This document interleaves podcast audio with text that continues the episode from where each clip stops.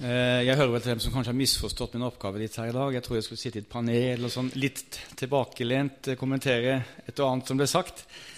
Eh, så jeg har ikke sånn et systematisk innlegg om fremtidens kirke. Får heller velge å komme med litt forskjellige synspunkter på alt det interessante vi har hørt av de to innledende aller først, og også noen tanker som jeg har eh, inn i dagens situasjon. Om eh, fremtidens kirke vet jeg ingenting. Men jeg vet at vårt kall er å være sannheten, tro i kjærlighet og øve oss å være kristne i ånd og sannhet så langt vi forstår Herrens ord. Jeg vil gjerne takke for eh, de to flotte innledningene vi har hatt. Det ga meg masse å tenke på, Espen og Østereng. Og eh, har for meg vært eh, veldig verdifullt å sitte og lytte til. Så kjenner vi alle på en felles nød for den situasjonen vi har, og vi kjenner også alle at det finnes ingen enkle svar. Og jeg kjenner med meg selv at jeg på den ene side kan stadig gripes i en veldig glede å få bygge den lokale menighet og stå og være en Herrens tjener Se mennesker bli frelst, legges til menigheten år etter år. Se lokalmenigheten bygges og vokse. Og samtidig oppleve på en måte stadig tap og sorg ved det som skjer.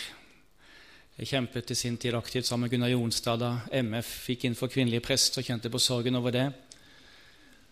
Har kjent på sorgen over utviklingen i Norske kirke, som jeg selv en gang ble ordinert i. Kjenner på sorgen når Nordmisjonen forlater det gamle standpunktet i kvinnepressspørsmålet. Og så gikk det opp for meg også da du talte om at vi er i en større krise enn jeg visste i Frikirken også, når mitt syn på kvinnelig ordinasjon ikke lenger forankres i det øverste tilsynsorganet. Vi må øve oss i å være sannheten, tro i kjærlighet. Vi må øve oss i å handle og tale sant. Og Det var interessant at du har skrevet brev til biskopene. Det har Gunnar og jeg også. Foran ordinasjonen av Solveig Fiske så kjente vi på nød for det som skulle skje. Og jeg tror at uh, dere som representerer det tunge organisasjonsliv, eh, også har, og vi alle har en veldig utfordring i å ansvarliggjøre samtlige bisper, biskoper. Du sa Fagermo, det handler om fortapelsen. Og det har ligget veldig tungt med nå i mange måneder. Samtlige biskoper i Den norske kirke står bak ordinasjonen av Fiske, av Tor Berge Løgesen. Olav Skjevesen legger hånden på henne og sier du er rett biskop etter Guds ord. Slik heter det i liturgien. Det er en læremessig bekjennelse.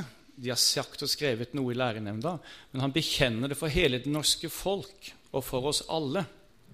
Og det slår inn i våre menigheter, til våre menighetslemmer. Der sies fra øverste hold i Den norske kirke av preses at den som lærer dette, er rett biskop etter Guds ord.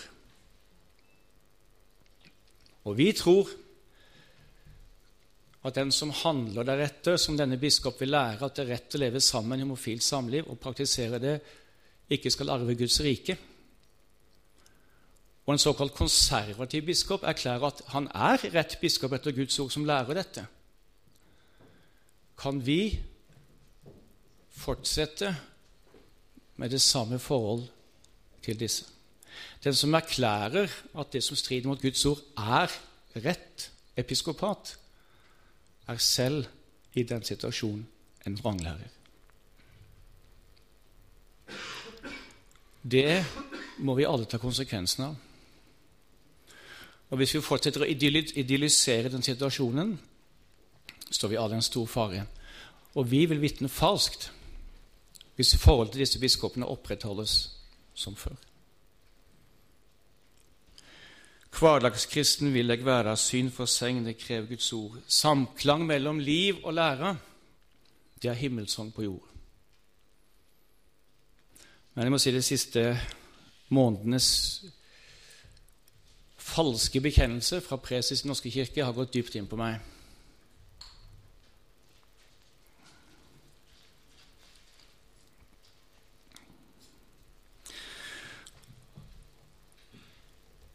Og jeg tror noe av det viktigste øvelsen vi står foran, det er å fastholde et hellig alvor og en hellig kjærlighet i det å skulle bygge Guds rike i det norske folk. Det er en vanskelig øvelse for oss som er syndere.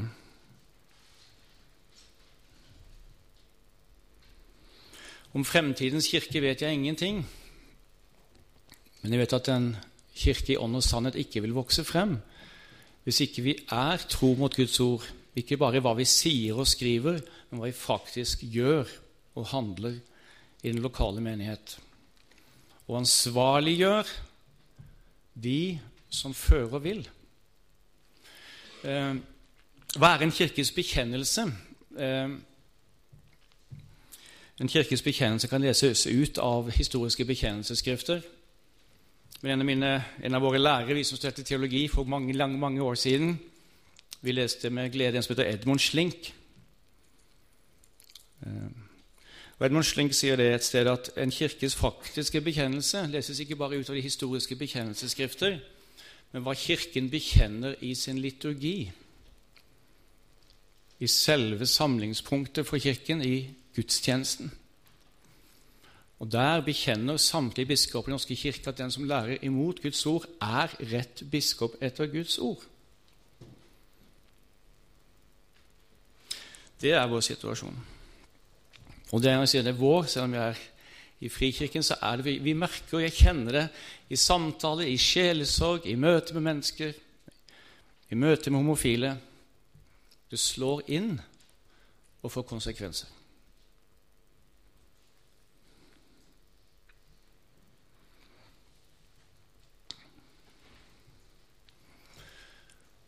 Eh, det er et første punkt som har vært viktig for meg å si.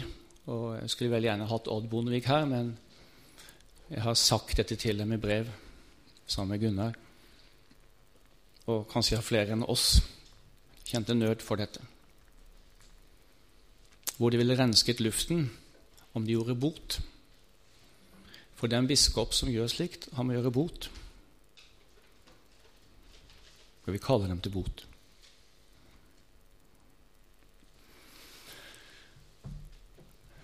Så sier jeg ofte til meg selv og mine presbytere Vi har et eldsteråd, syv, at viktigere enn hva vi er imot, er hva vi er for. Sånn må det være, sånn skal det være. Og Gud hjelpe oss hvis ikke kjærligheten og varmen og trangen til å vinne nye er det som stadig står i fokus.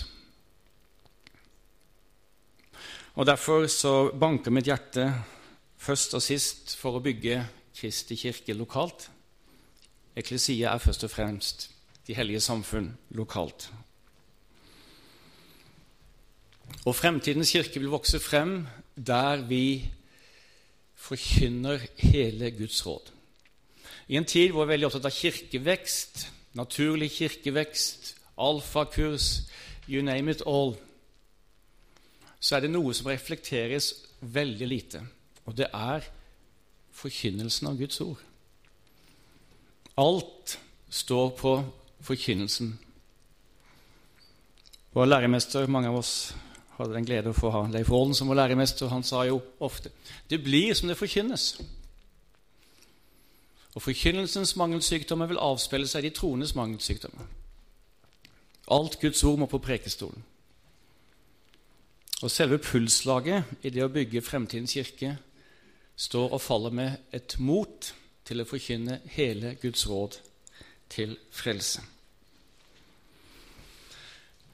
Jeg henter av og til frem igjen eh, den gamle læreboken i pastoraltjeneste av Gustav Jensen, 'Den hellige tjeneste', og så ber jeg om at ikke det må vederfares meg, så han sier der om en eldre prest Jeg er da den eldste i denne innledergruppen her.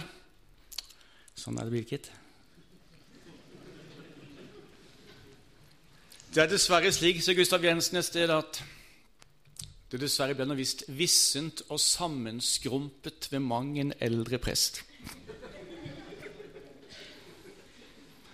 Og Denne Mille, som ble kalt ypperste prest av Norske kirke, han sier også et sted at det finnes knapt noe mer motbydelig enn en ung prest uten ild og iver. Da er det dog bedre å synde i sin iver. Det må ikke bli noe vissent og sammenskrumpet over oss, kjære venner. Men måtte Den hellige ånd få fylle oss med en hellig glød og glede og en fornyet kjærlighet til det ord som alene kan bygge oss. Han skaper alt ved sitt mektige ord, Hebreerbrevet 1,2. Og jeg har fått se det for mine øyne, jeg ser det år for år, at ved det forkynte ord forvandles liv. Også i de mest upopulære trossannheter. Lærevern og kirketukt står og faller med mot til å hevde dette i lokalmenigheten. Det å tro at det er lett å stå i Frikirken og hevde upopulære trossannheter, det er det ikke. Men hvert eneste nytt medlem som tenker på å bli medlem av Trondheim frikirke, må høre og få inn med teskjeer upopulære trossannheter. Vi aksepterer ikke homofilt samliv. Vi aksepterer ikke eh, samboere. Her lærer vi at kvinner ikke skal ordineres til tjeneste. Alle får høre det, de får det inn med teskjeer. Så får de velge om de vil bli medlem. Vi krever ikke at de skal være enige i vårt synspunkt på mann og kvinne. Men de får høre det at etablerer du et samboerforhold, lever du strid med Guds ord, så vil vi samtale med deg. Og så oppdager jeg takknemlighet og glede over en kirke og en menighet som er tydelig. Hva tror jeg på? Det er ord som forvandler. Og Vi må utby oss for å bygge fremtidens kirke. For det første må vi utby oss mot. Det pastorale mot er et forsømt tema i pastorallæren. Torkil Massi, hvor sitter du hen, Torkil? Han er gått hjem for å bygge Messiaskirken. Vi hadde en prat sammen med Torkil for en tid tilbake. og Kanskje er mot, det hellige mot, et av de mest forsømte temaene i pastorallæren. For sannheten dere må lides frem i denne verden. Sannheten må lides frem. Og Jeg hadde aldri trodd at det å bygge menighet i ånd og sannhet skulle bety så mye glede, men også så mye smerte. Når du må stå i motsigelsen og se også mennesker gå. Vi trenger å utby oss en fasthet, en stahet på ordet. som en av mine eldste sa til meg, vi må ikke gi dem noe håp om at vi kommer til å forandre standpunkt.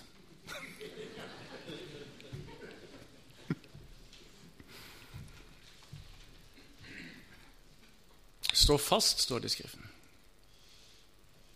Hold fast på det du har lært. Vi må ikke være redde for å være tydelige.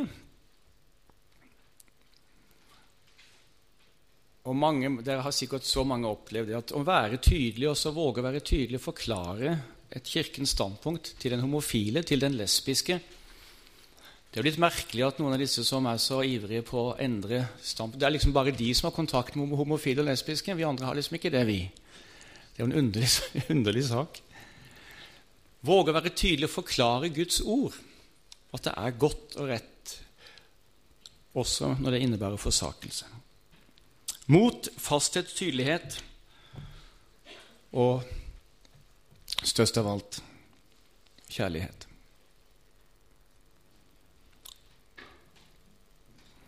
På ordets grunn, med mot, fasthet, tydelig og kjærlighet, bygges fremtidens kirke.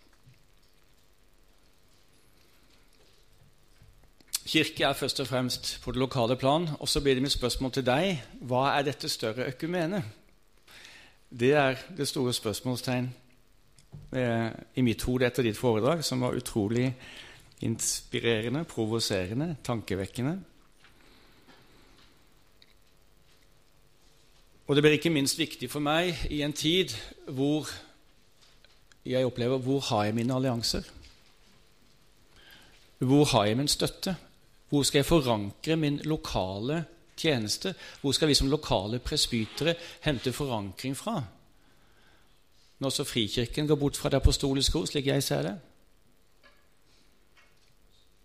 Det er en smerte.